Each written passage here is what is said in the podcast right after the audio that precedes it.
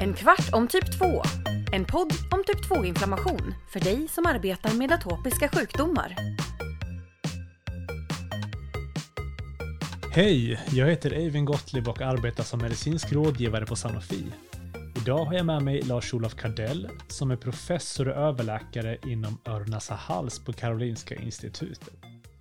Lars-Olof har medförfattat över 200 vetenskapliga artiklar, han driver ett flertal stora forskningsprojekt och har handlat över 20 doktorander. Och det här är för att nämna bara några saker på en lång meritlista. Välkommen! Tack! Idag ska vi prata om ett väldigt spännande projekt, tycker jag. The Upper and Lower Airways Northern European Consensus, eller ULANC förkortat. Ett projekt som du är med och driver, Lars-Olof, och som stöttas av Sanofi. Kan du börja med att ge en kort introduktion till vad ULANC är? Ja, ULANC står för Upper and Lower Airway Northern European Consensus som du sa och det är ett samarbetsprojekt mellan främst lung och ÖNH-läkare i norra Europa men som också involverar allmänläkare och patienter. Okej, så projektet involverar både den övre och den nedre luftvägen. Vad är målet med ULANC?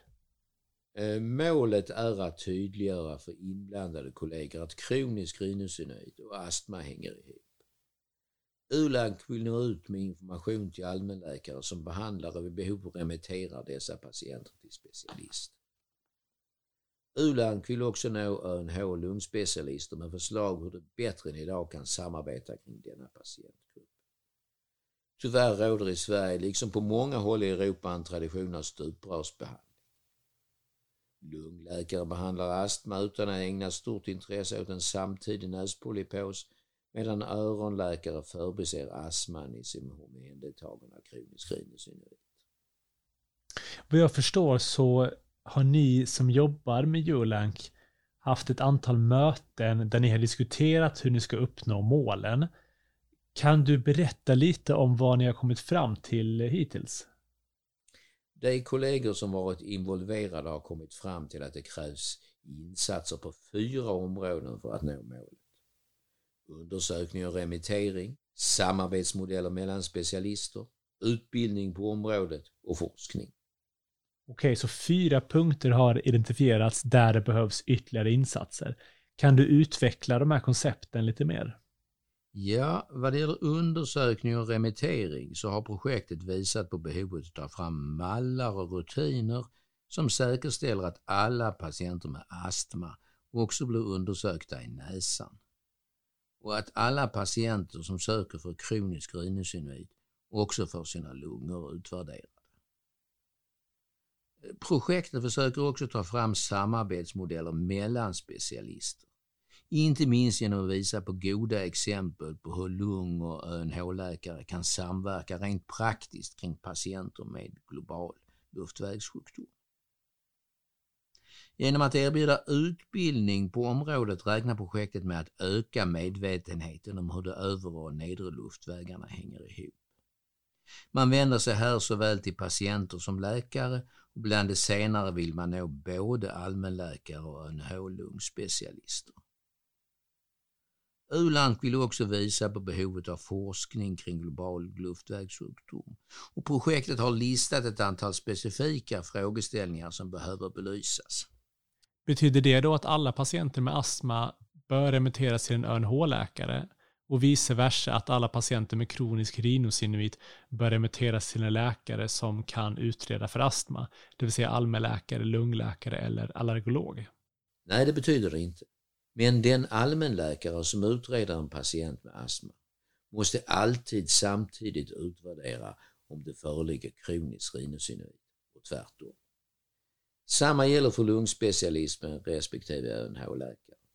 De bör båda undvika att bara tänka i sina egna specialiteter stuprör utan hålla i minne den gemensamma luftvägen.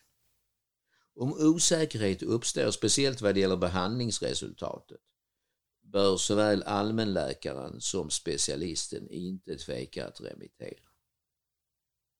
ULANK pekar också på möjligheten att skapa speciella centra kring den globala luftvägssjukdomen där representanter för såväl ÖNH som lungspecialister gemensamt bedömer och behandlar mer komplexa fall.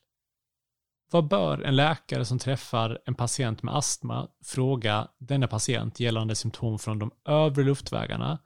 Och vad bör en läkare fråga gällande de nedre luftvägarna när denne träffar en patient med kronisk rhinosinuit? Det vill säga, vad bör den nedre luftvägsspecialisten fråga gällande den övre luftvägen och vad bör den övre luftvägsspecialisten fråga gällande den nedre luftvägen? För att utröna om en patient med astma också har kronisk sinuit kan man komma långt med fyra enkla frågor. De två viktigaste är om patienten lider av nedsatt luktförmåga och om det är täppta i näsan. Sen kan man också fråga om det besväras av tryck eller värk i ansiktet eller om näsan rinner. Om man tittar i näsan med ett spekulum kommer man givetvis ännu längre, men det är kanske inte alltid helt nödvändigt som ett led i den första screeningen. Om en patient lider av kronisk unit bör man fråga om det vid enstaka tillfällen eller återkommande brukar drabbas av plötslig påkommen andfåddhet. Om det ibland känns trångt i bröstet med svårigheter att dra in luften. Eller om det besväras av hosta, speciellt på natten. Eller om det drabbas av hosta eller andfåddhet vid ansträngning. Det här är väldigt intressanta idéer tycker jag, men jag undrar vad du ser som vårdens största utmaning när det kommer till att få till det här samarbetet kring den övre och nedre luftvägen? Ja, det är att vi sitter fast i organisatoriska och administrativa strukturer som gör det svårt att samarbeta över specialistgränserna. Ett multidisciplinärt samarbete är utan tvekan dyrare sett ur ett sjukhusekonomiskt perspektiv än en mottagning där varje specialist ser patienten för sig själv, oberoende av varandra. Samhällsekonomiskt är då vinsten större med mottagningen där flera specialister samverkar med ett bättre och mer fullständigt behandlingsresultat som slutprodukt. Ekonomiskt gestaltar sig detta i form av mindre sjukvaro och högre produktivitet. Den förbättrade livskvaliteten som detta medför är ju också eftersträvansvärt även om den inte går att mäta i pengar. Tack för det. Då har jag kommit till min sista fråga som inte handlar specifikt om Ulank. Däremot så handlar den om typ 2-inflammation som ju podden handlar om. Min fråga är, finns det någon fråga på ämnet typ 2-inflammation som du skulle vilja ställa till en framtida gäst i podden?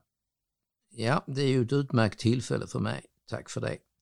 Typ 2-inflammation är ju en intressant modell för hur en gemensam form av underliggande inflammation, centrerade kring eosinofila celler, driver uppkomst och utveckling av både astma och kronisk rhinosinuit.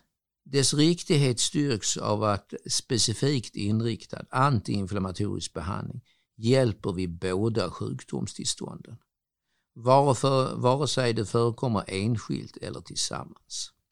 Utgångspunkten för ULANCT är ju att astma och kronisk sinuit förekommer samtidigt hos många patienter och detta är en verklighet som eh, både vi som specialister och våra inremitterande allmänläkarkollegor väl känner. Om nu utgångspunkten för inflammationen, som det verkar är densamma för både över och nedre luftvägen och sjukdomarna förekommer samtidigt, varför är då patienter med samtidigt mycket svår astma och mycket svår näspolypos så ovanlig? Jag har under det senaste året letat intensivt efter just denna grupp av kombinerat mycket svår sjukdom utan att lyckas. Hur ska man tolka detta ur ett typ 2-perspektiv?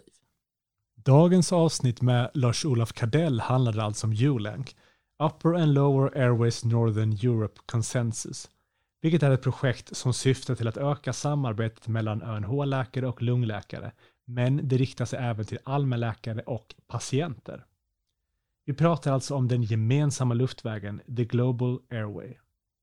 Genom att utveckla idéer till hur samarbeten kan se ut, stimulera till forskning och utbildning på området, är målet med Jolänk att förbättra vården för patienter med samtidig sjukdom i den nedre och övre luftvägen. Och jag tror att alla som jobbar inom vården har mycket att lära av ULANC-projektet, inte minst genom att inspireras till hur samarbeten mellan olika specialiteter kan se ut. Om du som lyssnare tyckte att dagens avsnitt var intressant så ber jag att hålla öronen öppna. För ULANC kommer du höra mer om framöver. Du har lyssnat på En kvart om typ 2, en podd om typ 2-inflammation som produceras av Sanofi.